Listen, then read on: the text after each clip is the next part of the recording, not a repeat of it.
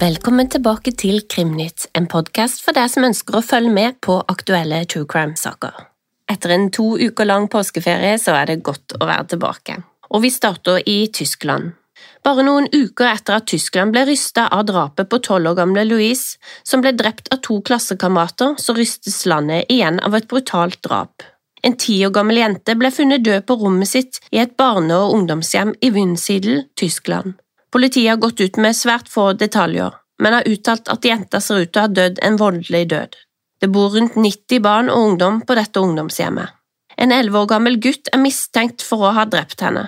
Gutten bodde på samme hjem som jenta, og siden gutten er under den kriminelle lavalder, så er han plassert under oppsyn på et sikkert sted som et forebyggende tiltak. Politiet har ennå ikke gått ut med hva jenta døde av og det er bare uker siden tyskerne opplevde et brutalt drap på tolv år gamle Louise Frisch. Hun ble funnet død i byen Flaudenberg med flere knivstikk. To skolejenter, Louisa Haberstad, 13 år, og tolv år gamle Anna Maria Hoffmann har tilstått drapet.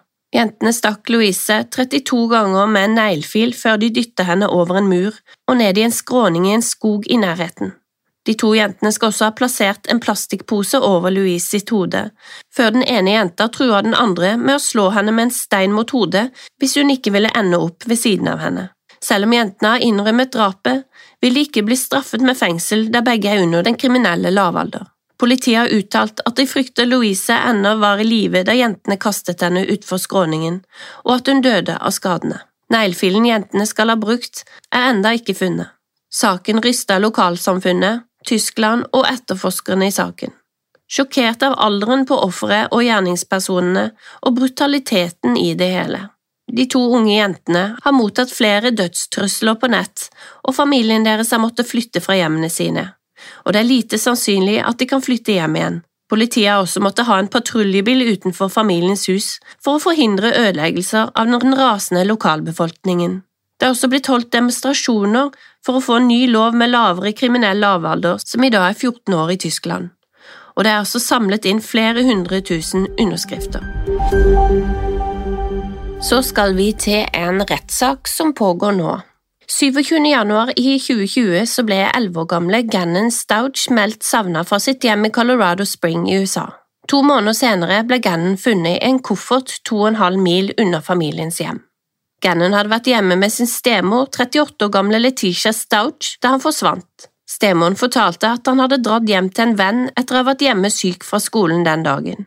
Letitia kommer med flere ulike forklaringer på hva som hendte dagen da Gannon forsvant, og når overvåkning fra naboenes hus ikke fanger opp Gannon på kamera, så forandrer historien seg. Faren til Gannon, Al, og Letitia giftet seg når Gannon var syv år gammel. Letitia hadde en datter fra tidligere forhold, og alle fire flyttet sammen i Colorado Springs. Al jobba for The National Guard og var ofte borte fra jobboppdrag. Gannon ble da igjen med stemoren og datteren hennes. Dagen da Gannon forsvinner, er han hjemme fra skolen på grunn av mageknipe. Letitia sier at Gannon går til en venn mellom fire og fem, og når Al kommer hjem fra jobb, så blir han bekymret da Gannon ikke kommer hjem etter det blir mørkt. Dette er veldig ulikt Gannon. Politiet blir ringt, og til tross for store søk med helikopter og hunder og frivillige, så blir ikke Gannon funnet. Dagene går, og politiet går ut i media. Moren og faren til Gannon stiller opp i intervju og ber folk om hjelp.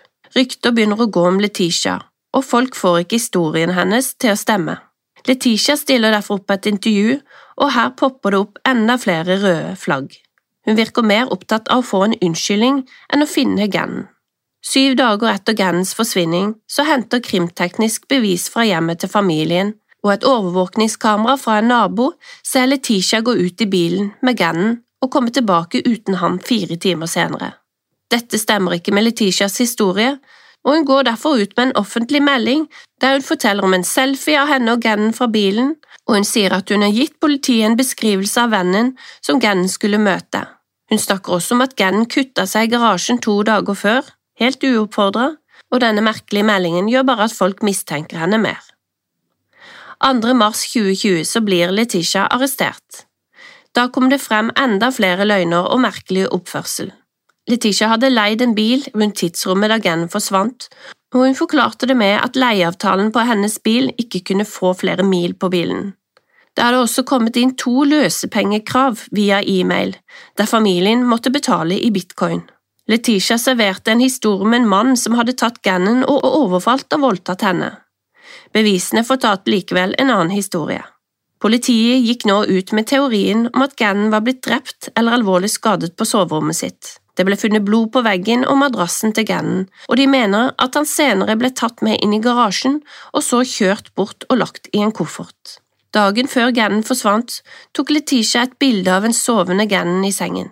Ved siden av han ligger hans Nintendo Switch. Sengetøyet som er på bildet, ble aldri funnet, og heller ikke Nintendoen. Google-search på Letitias telefon gir også et innblikk i hva Letitia tenkte. Hun googlet blant annet I'm overdoing all the work for my stepkids and their mom doesn't help. Hun googlet også One day people wish they treated you differently og bare to dager før drapet skrev hun I wonder if my husband's ex-wife is sending me a Valentine's card since I raised her kids. It's crappy some parents don't care for their kids or buy them presents. Og hun skrev også i søkefeltet at parenting should be four people, not one. Og tydeligvis så var hun ikke fornøyd med mannen Al heller. Find real military singles og Find me a rich guy who wants me to take care of his kids. Letitia kontaktet også fakepolygraph.com da hun skjønte at hun var i søkelyset, og ønsket at de skulle ha med spørsmål som Did you participate in any way in causing harm to your stepson? Fakepolygraph.com tok denne informasjonen til politiet. Når Letitia skjønner at den første historien om Gannon ikke holder, fabrikkerer hun flere nye historier. Disse blir tatt opp av ektemannen Al via telefon. Hun forteller at Gannon var blitt bortført, og at mannen som tok han fortsatt var i garasjen da politiet kom til familiens hjem.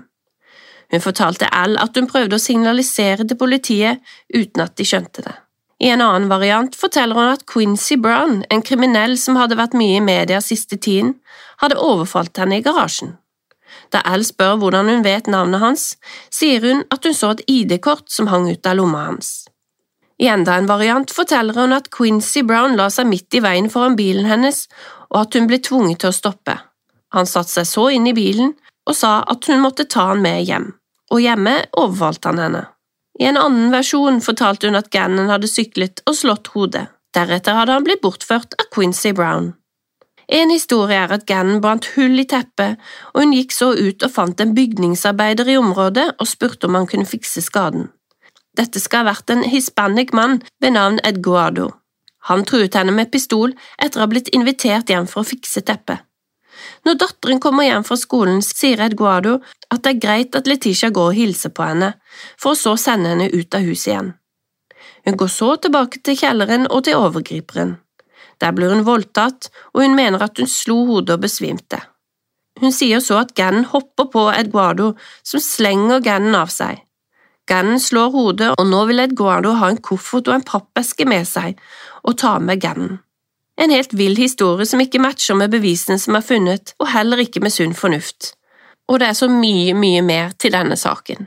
Og nå i april 2023 så starta rettssaken. Og Forsvaret tviler ikke på at Letitia har begått drapet, men de går for en insanity plea, altså var hun tilregnelig under drapet. Gannon ble funnet i en koffert, skutt i kjeven og med 18 knivstikk. Han hadde også forsvarsskader, og kofferten han ble lagt i ble også henta frem i retten, som i tillegg til å romme Gannon også var fylt med sengetøy og tepper. Dette er en brutal sak som har rysta USA og nå har nådd internasjonal presse. Krimprat vil lage en lengre episode om denne saken når dommen har falt. Det var alt vi hadde fra Krimnytt i denne uka.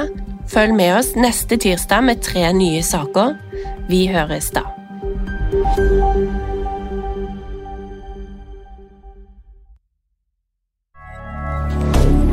Moderne media. Har du et enkeltpersonforetak eller en liten bedrift? Da er du sikkert lei av å høre meg snakke om hvor enkelt det er å sende faktura med fiken. Så vi gir oss her, fordi vi liker enkelt. Fiken superenkelt regnskap. Prøv gratis på fiken.no.